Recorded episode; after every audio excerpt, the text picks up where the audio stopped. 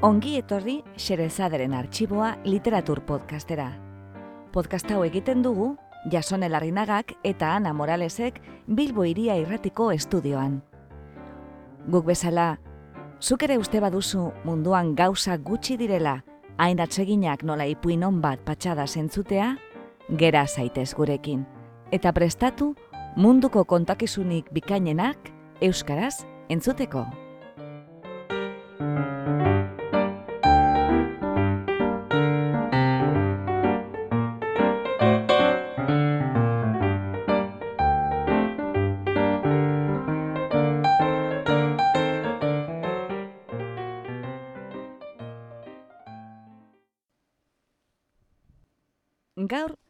Percival Everett idazle afroamerikarraren ipuin bat dakargu. Kultur jabekuntza, edo ingelesez jatorrizko izenez, The Appropriation of Cultures.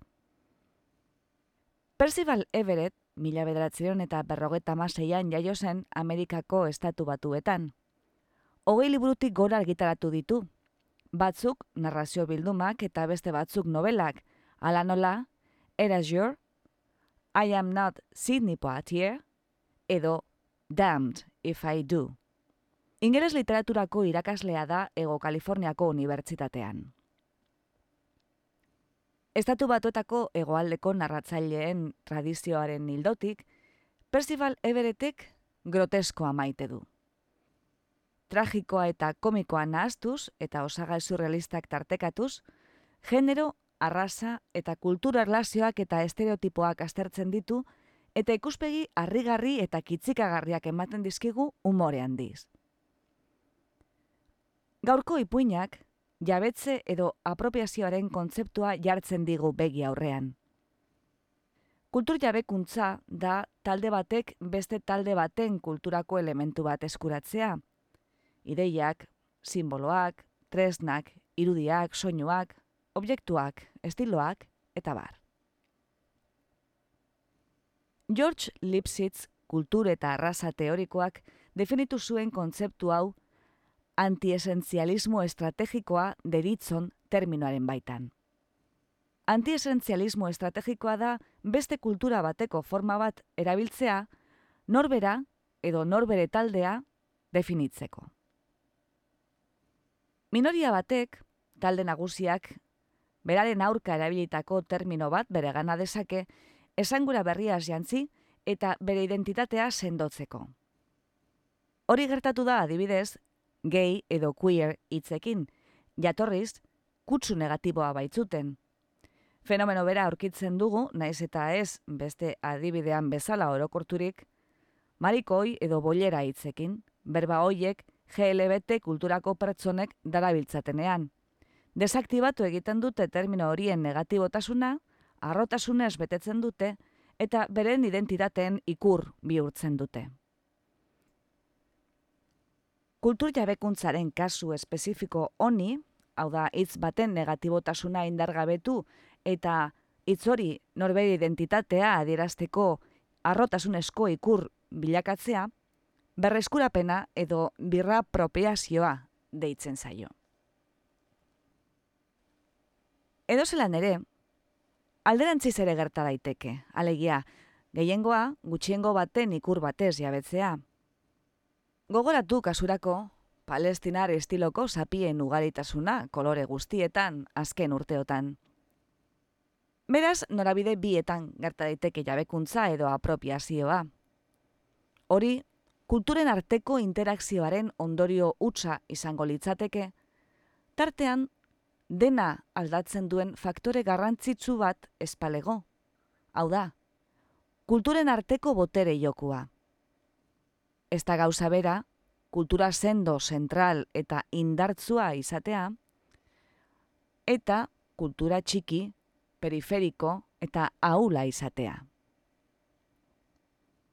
Beraz, George Lipsitzek dioenez, kultura handiak kultura txikiaren elementu bat bereganatzen duenean, Tentu handia esan beharko luke, forma horren zirkunstantzia historiko-sozialak eta esangura espezifikoak gogoratu eta aitortzeko.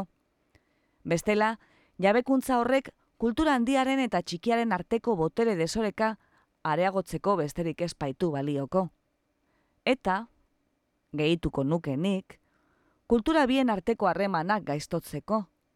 Kultura txikia, iraindurik sentitu baitaiteke, uste badu, identitate elementu bat ostu diotela eta esangura sustu. Esaterako, zaindu maite duzun hori kanta, Euskaldunon egunkariaren itxeraren kariaz sortu zuen Ruper Ordorikak.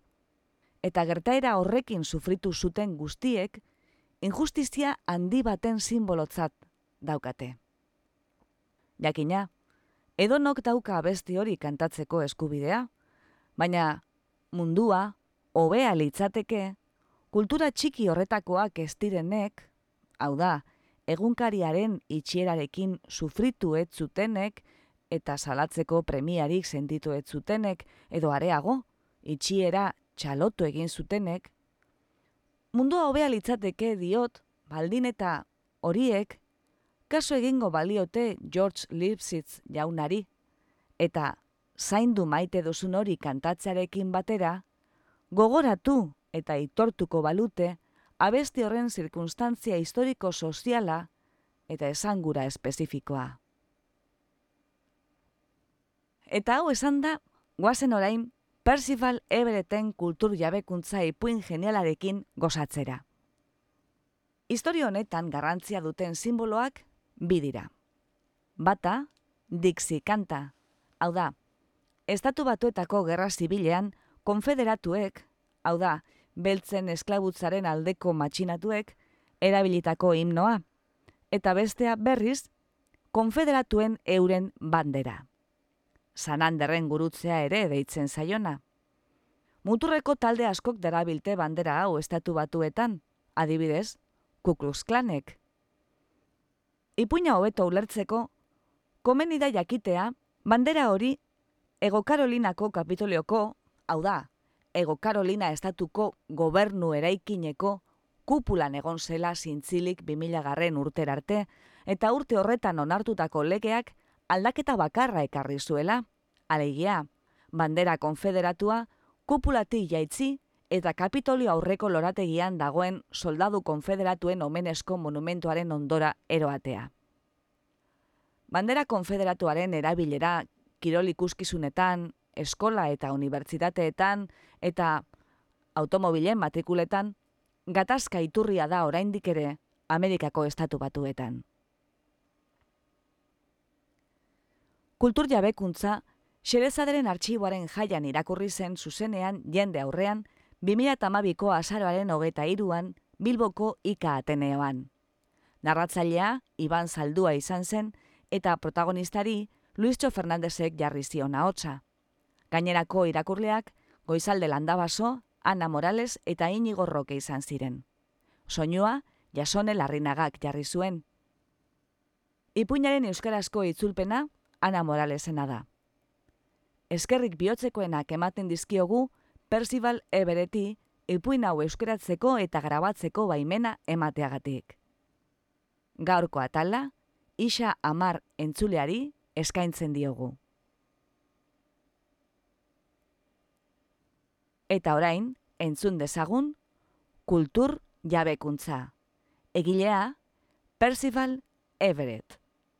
Itzultzailea, eta irakurlea Ana Morales.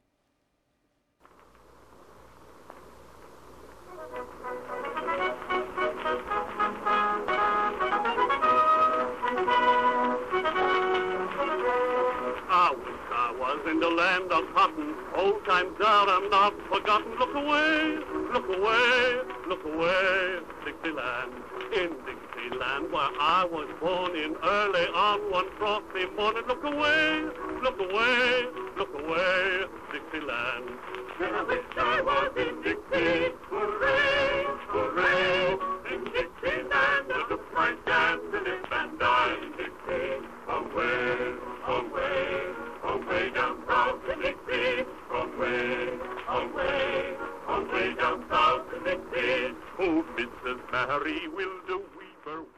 Daniel Berkeik, dirua zeukan, amak hiltzean utzitakoa. Etxe bat zeukan, amak hiltzean utzitakoa. Brown Unibertsitatean ateratako ikasketa amerikarretako titulo bat zeukan, nolabait eskuratu zuena, baina artean ere berari ezer eskuratu etziona. Martin gitarra bat jotzen zuen, mila bederatzeon eta berrogeikoa, Barkus berri markako pastilla batekin, eta mila bederatzeon eta irurogeta masiko Jensen Interceptor auto bat gidatzen zuen. Erosi zuena, amaren aizpak hiltzean utzitako diruarekin, ark espaitzuen seme alabarik. Daniel Berklik ez zuen lanik egiten, ez eta horren premiarik izateko itxurarik. Denbora gehiena, irakurtzen ematen zuen. Gau batzuetan, Ego Karolinako Unibertsitateko kampusaren ondoko garito batera joaten zen, eta jasa jotzen zuen tipo batzuekin. Egun osoan gogor lan egindakoak denak, baina deineli kargorik hartzen ez ziotenak horregatik. Deinolek betiko gauzak jotzen zituen bere konpaiekin, baina berak benetan maite zuena aspaldiko doinuak ziren. Gau batean, ikasle elkarte bateko mutil zuri batzuk, aldarrika hasi zitzaizkion agertoki gainean gitarra akustikoa hartuta zegoen gizon beltzari. Eta, jo dixi, jo dixi, hasi ziren oiuka. Deinolek luze begiratu zien. Aztertu zituen agin handiko irribarreaiek eta aurpegi pustu eta zurbiletan inkatutako begi garagardoz distiranteak golf kamiseten eta txino praken gainetik begiratzen ziotenak. Haiengandik begiak apartatu eta zo egin zien berarekin jotzen ari ziren konpaien arpegietako espresio dezerosoei. Eta gero, lokalean zeuden gainerako ikasleen aurpegi lotzatuei. Eta orduan, jotzen hasi zen. Ariak lastandu zituen astiro, melodia osoa behin osatzeko. Eta gero, adi geratu zen gelaren gainean amiltzen hasitako isiltasun nilari. Slaida erabiliz, txikitatik gorrotatutako kantaren zukua aterazion gitarrari. Melodia ura, zuriek beti ateratzen zutena, beren buruari eta beste jende horri non zeuden gogoratzeko. Deinolek kanta abestu zuen. Astiro abestu zuen. Abestu zuen hitzak sentituz. Erabakiz hitzak bereak zirela. Erabakiz kanta berea zela. Ango gara izarrak ez daude astuta kanta kantatu zuen eta inguruko isiltasuna entzun zuen. Eutsi egin zion ahotz satirikoaz kantatzeko irrikari. Benetan sinesten zuen kantatzen ari zena. Begiratu arantz, arantz, arantz, dixilan. Amaitu zuenean, gora begiratu zuen. Gela bete begi, berarizo. Pertsona batek txalo egin zuen. Gero beste batek. Eta laster, taberna txalos eta lauriz bete zen.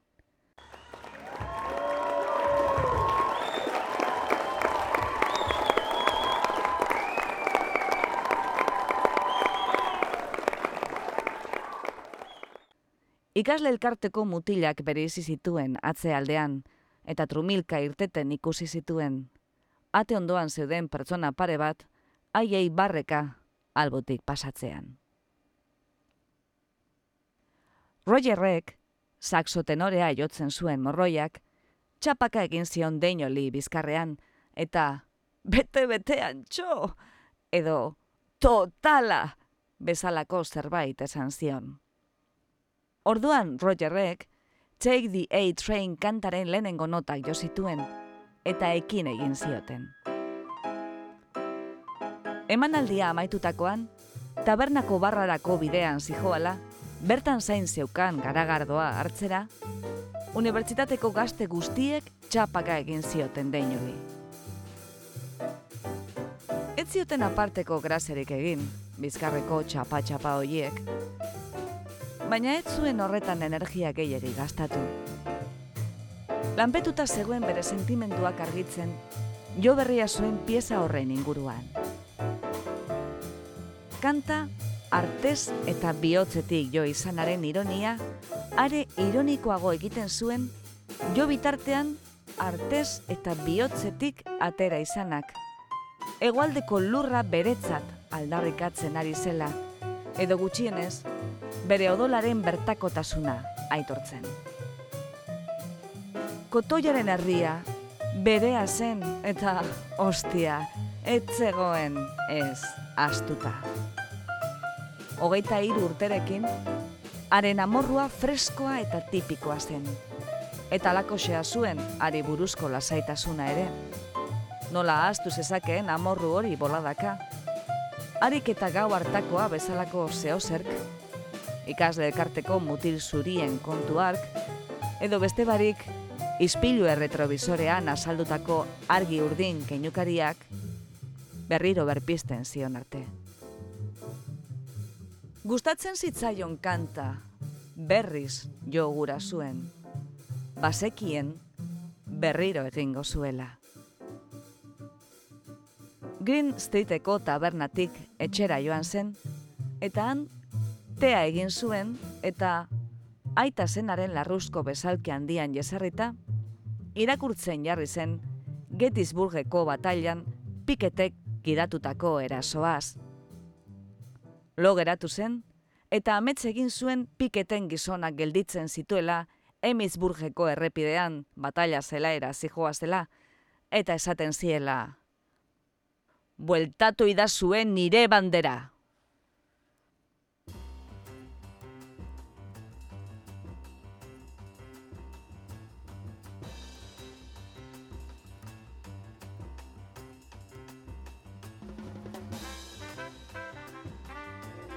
Deino lehen lagun zara, oso emakume handia zen, eta hile matasa afro oso handia zeukan. Deino lehen etxeko portxean zeuden bi aktea hartzen. Udazken amaierako arratsalde epela zen, lainotu xamarra. Deinol sumintzesko kulunkalkian zegoen, eta Sara oinak ipurdi azpian jesarrita zegoen bezalki kulunkarian zenbat gustatuko zitzaidan entzun izana. Esan zuen zarak. Bai, nire ere bai. Ni neu, ezin naiz leku horretara arrimatu eregin. Hango edan beharra. Gaztetxo zuri hoiei gustatu egiten zai edatea gero. Zarak, bere atzazalak astartu zituen. Bai, pentsatzen dut. Lekuak berez ez daukatxarrik gustatzen zaie musika, hori ematen du behintzat. Eta, atzasolak pintatuko banitu? Deinolek betoskoa jarrita begiratu zion. Nahi baduzu? Menetan pintatu esan nahi dut.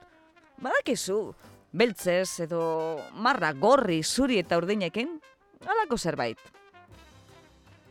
Eskua luzatu zuen, koloreak imaginatzen saiatu edo luze utzi beharko nituzke. Baina zertaz ari zara? Txorrabak. Deinol eta Sara supermerkatura joan ziren Baskaria eta Deinolen afaria erostera. Deinolek gurdia sakatzen zuen Pigli Wiggling gora eta bera eta Sara aurretik zijoan. Deinolek emakumearen mugimendu handiei eta pauso seguruei zo egin zien. Ordain lekuan, inguruetan salgai zeuden auto eta kamioien aldizkari bat gehitu zien, zintan jarrita zeuzkan gauzei. Zertarako da hori? Galdetu zion zarak. Uste dut, kamioneta bat erosi nahi dudala. Kamioneta bat erosi? Zu eramateko hortik zehar atzaskalak pintatzen dituzunean.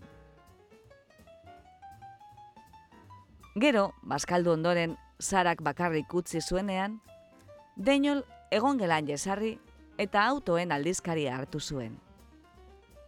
Susmatzen zuenez, baziren kamioi batzuk gustuko zituenak, bereziki mila bederatzeun eta irurogeita sortziko Ford bat, iru tona laurdenekoa, aukerak ematen zizkioten beste ezaugarrien artean gauza ura zeukana.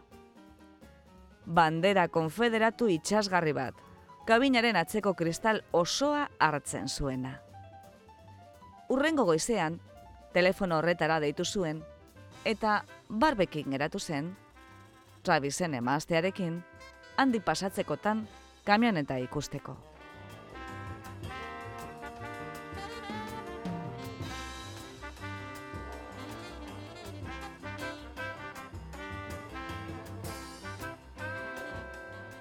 Travis eta Barb, ibaiaren bestaldean bizi ziren, irmoti zerrian.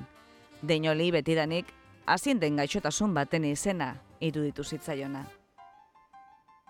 Etxe berdinen labirintotik gidatu zuen autoa, harik eta kalea eta zenbakia aurkitu arte. Etxeko bata jantzita zeukan Andre bat begira geratu zitzaion bere portxean kalearen beste aldetik, bere jardina inguratzen zuen burdin zarearen atzean, seguru. Kalearen bukaeran, gizon bat eta gaztetxo bat, koipez beteta, Dodge Charger desmantelatu batean zebiltzan lanean. Eskuak gabe garbitu eta Deinol aztertu zuten. Deinol aurreko jardinean sartu, plastikozko jostailoen labirintu bat zeharkatu eta atean jo zuen. Travisek zabaldu zuen eta sakar galdetu zuen. Zer?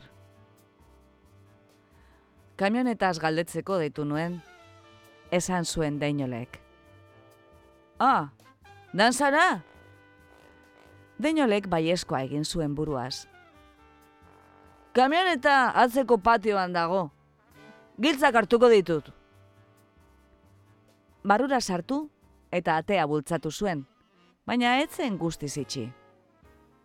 Deinolek Trevisen eta Barben arteko berbatukaren tasua aritu zuen, baina ez zituen berbak bere izi.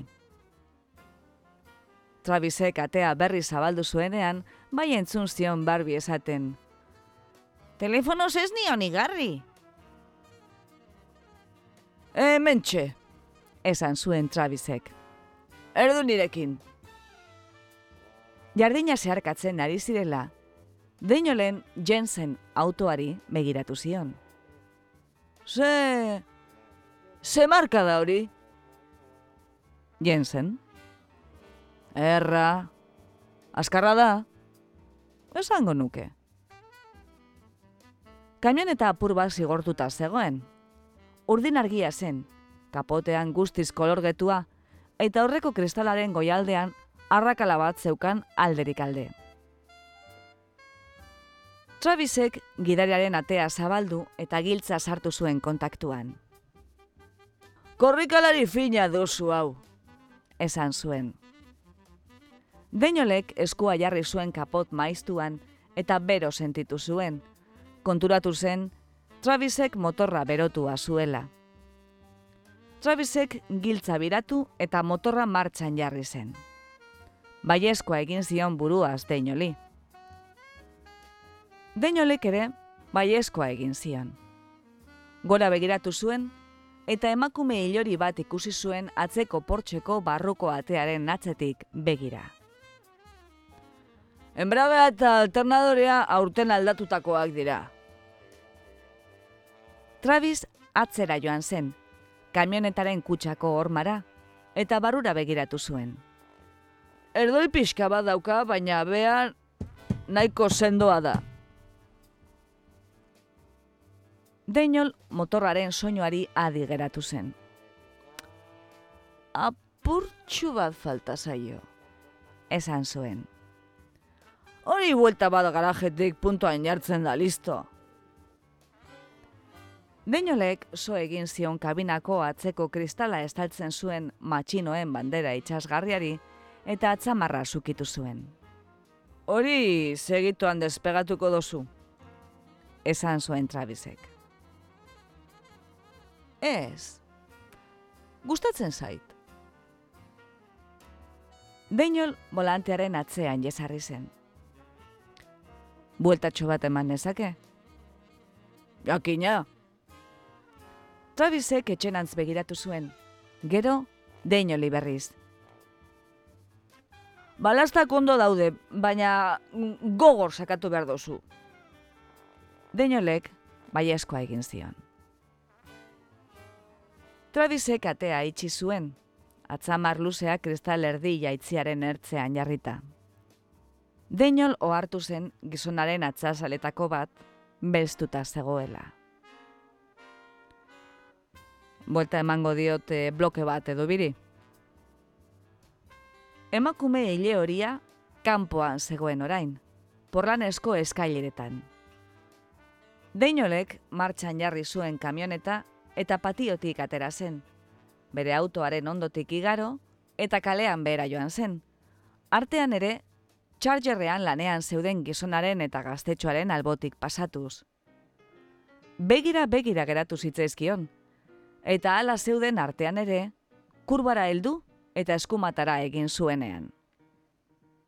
Kamioneta itxuroso zebilen, baina egia esan horrek ez zuen garrantzirik. Travisen etxean bueltan, Deinolek giltza kamionetan utzi eta kanpora erten zen gurpil gastatuak ikusteko. Travis begira zegoen bitartean. Iragarkian bi mila jartzen zuen. Bai, baina pres nagori negoziatzeko. Beitu, bi mila eta berri hon emango dizkizut, etxera ekartzen baldin badidazu. Travis galduta zegoen. Azka egin zuen buruan, eta atzera begiratu zuen emazteren bila, baina ez zegoenan. Ta nondi bizi zara? Unibertsitate ondoan, Five Pointsetik gertu. Bi mila eta berreun? Esan zuen Travisek gehiago bere buruari, dainoli baino.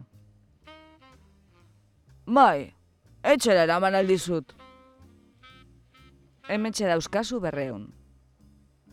Dainolek, dirua zenbatu zuen eta gizonari eman zion. Gainerakoa eskudirutan emango dizut kamioneta dakartzunean. Travis bileteak bere atzamar meekin astatzen ikusi zuen Dainolek. Laura kaldera ekartzerik bai? E, egin dezake hori bai.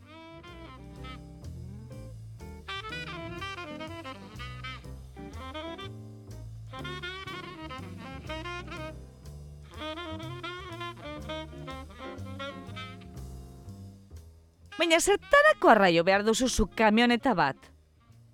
Galdetu zion zarak mostradorera joan eta beste kafe kikara bat bete zuen. Gero maaian jesarri zen berriro dainelekin. Ez dut kamioneta erosiko. Tira, bai, kamioneta erosiko dut, baina bakarrik pegatinari eusteko behar dudalako. Pegatina da erosiko dudana. Pegatina?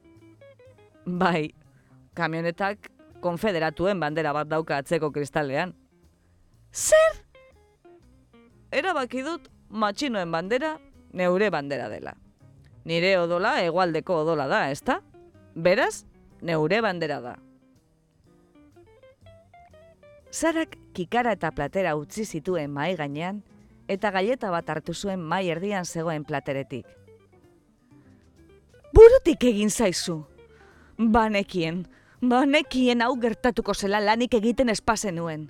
Pertsonak lan egin behar du ez dut dirurik behar? Hori ez da kontua! Ez duzu diruagatik zertan lan egin? Zutundu zen, portxaren ertzera joan eta kalera begiratu zuen, alde batera eta bestera. Liburuak eta musika dauzkat? Lan bat behar duzu, gogoko ez duzun jendearekin egoteko, gogoko ez dituzun gauzak egiten. Lan bat behar duzu zure burmuinaren parte hori betetzeko baina berandu da, pentsatzen dut. Dena dela, esan zuen deinolek. Ikusi beharko zenituzken mutil rednek haien arpegiak diksiken du nienean. Etzekiten zer egin. Bandera madarikatu hori Ego Karolinako kapitoloaren gainean dago, ezta? Ba, bota ez, kendu egin behar diegu, hori da nik dio dana. Hori da egin behar duzun guztia? Hori baino ez da dana? Ba bai. Daniel atzera bota zen kurunkalkian. Zuk begiratu aurpegia Travis gureari ona heltzen denean.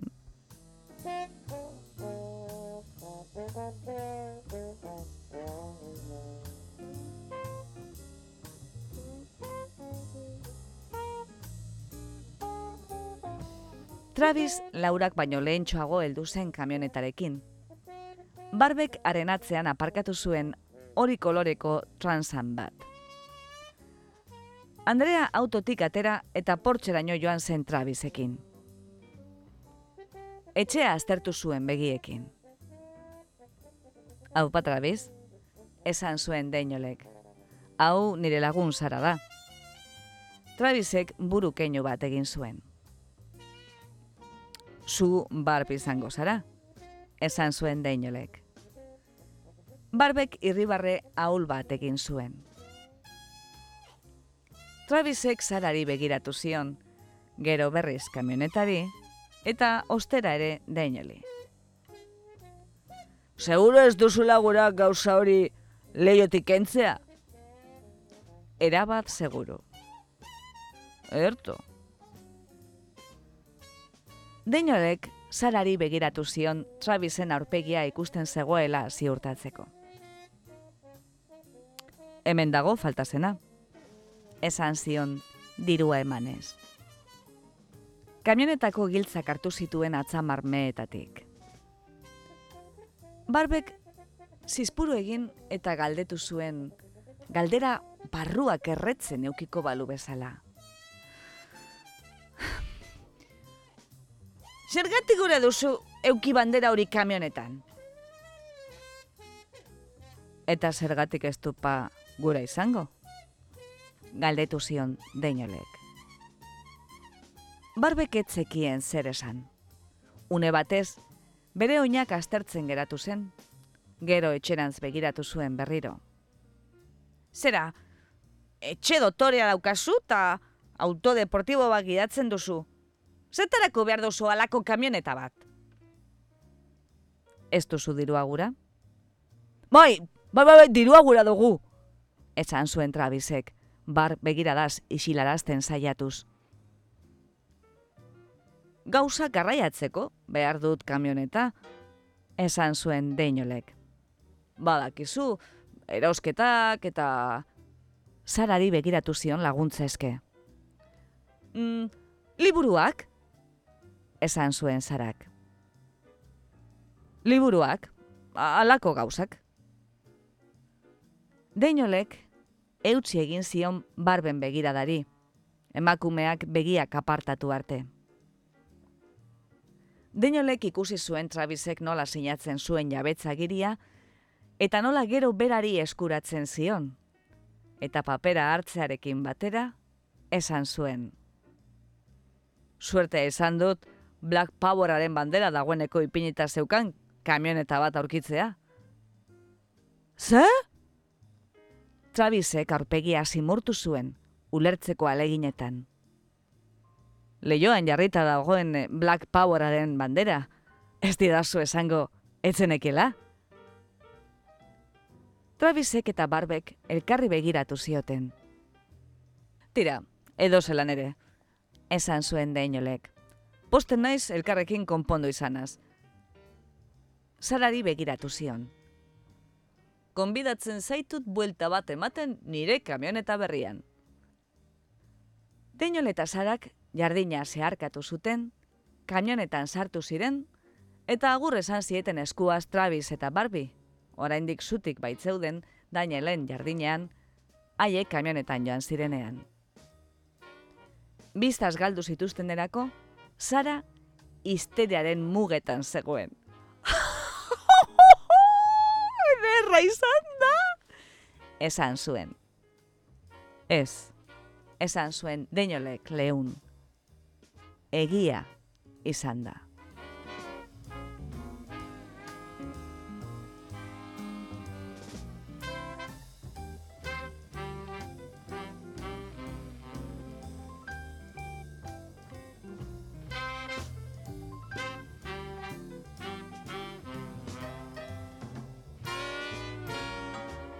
Ondorengo asteetan, Deinol eta bere kamioneta elkarrekin ikusteak arazoak sortu zizkien bati baino gehiagori. Two Notch Roadeko 7-Eleven bateko aparkalekuan, irrogeta mabiko Monte Carlo batean zeuden gizon zuri handibik kargu hartu zioten. Zertan zabiltza horrekin kamionetan mutiko? Galdetu zion bietan handienak arrotasunez paseatzen. Esan zuen deinolek, haien Chevroleteko matrikulako matxino banderari erreparatuz. Zuek bezalaxe, brothers! Bigarren gizonak nahazturik pauso bat egin zuen deinolen gana. Zer deitu diguzu? Brothers? Bigarren gizonak bultza egin zion deinoli bularrean bi ukabilekin, baina ez ikaragardi gogor. Ez dut arazorik nahi, esan zien deinolek. Orduan, Volkswagen bat geratu zen deinolen kamionetaren ondoko tokian, eta barrutik lau gaztetxo beltzatera ziren. Begira begira eta urpegi serioekin. Zer gertatzen da? Galdetu zuen gidariak, guztien artean handiena ere basenak. Gure bandera miresten ari ziren, esan zuen deinolek, kamioneta seinalatuz. Gaztetxoak nahaztuta geratu ziren. Bandera arrotasunez astintzen dugu, ezta? Brother gazteok? Deinolek ukabila batu eta besoa ukondotik bilduz Black Poweraren agurra egin zien. Ezta? Errepikatu zuen. Ezta? Bai, bai, bai, bai, esan zuten mutilek. Gizon zuriak atzerantz joanak ziren, beren autorantz. Barrura erreiztatu eta alde egin zuten. Deinolek gaztei begiratu eta ahal zuen neurrian aurpegi serioa jarriz, esan zien eskuratu bandera bat eta arrotasunez astindu. Gasolindegi batean, Ahmed Wilson izeneko abokatu bat bere BMW-eko depositoa betetzen zegoen. Deinolen kamenetaren atzeko leioari zuzen begira. Gero, Deinoli so egin zion. Zurea? Galdetu zuen. Deinolek aurreko kristala garbitzari utzi eta baiezkoa egin zion. Wilsonek ez zuen ezer galdetu. Deinolen kamionetaren atzeko leioa seinalatu, baino ez zuen egin. Power to the people! Esan zuen Deinolek, eta barre egin zuen.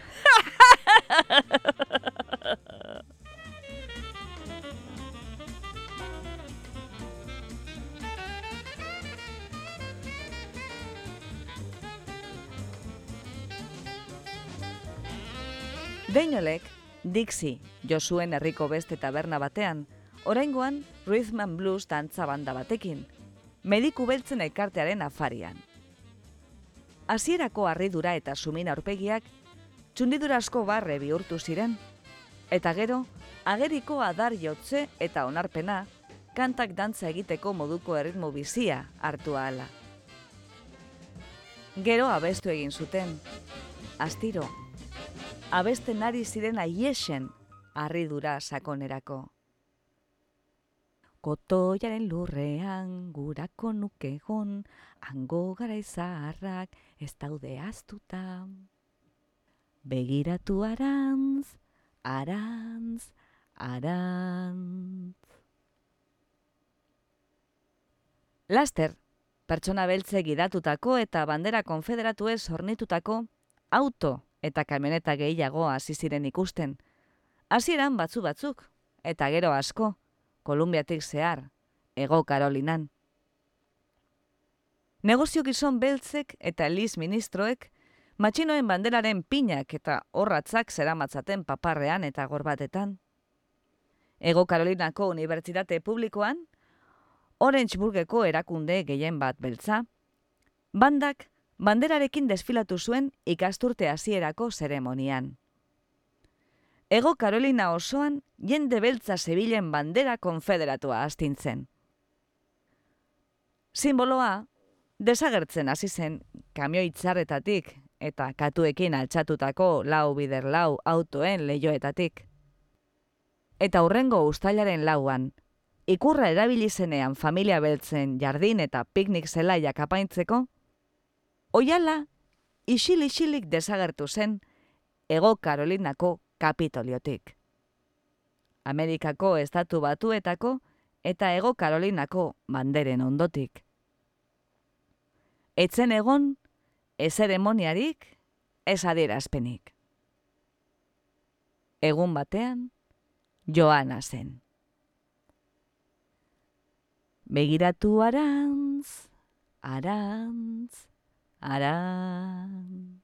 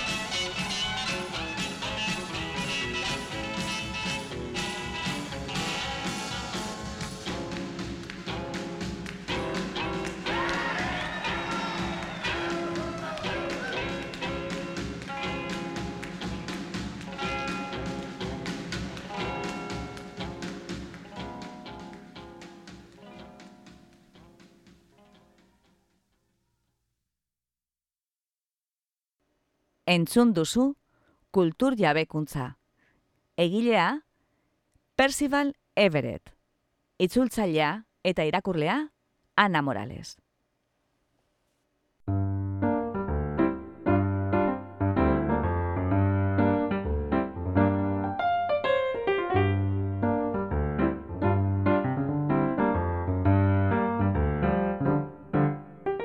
Xerezaderen artxiboko beste atal bat entzun duzu.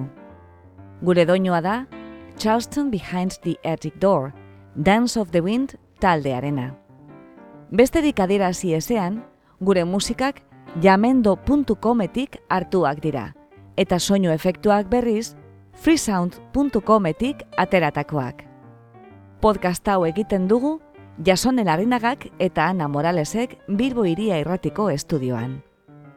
Gure audioak online entzuteko edo eskuratzeko eta podcastaren arpidedun egiteko, bilagaitzazu iTunesen edo joan gure blogera irubebikoitz.blogak.com barra isa a lp. Irriketan gaude zure iritzia jakiteko eta zure gurariak betetzeko. Beraz, gure blogera soazenean, eza astu iruzkina ustea eta irakurgai proposamenak egitea. Ezkerrik asko gurera hurbiltzeagatik. Gustora egon bazara, etorri urrengo batean berriz ere, xerezaderen arxiboa literatur podcastera. Laster arte!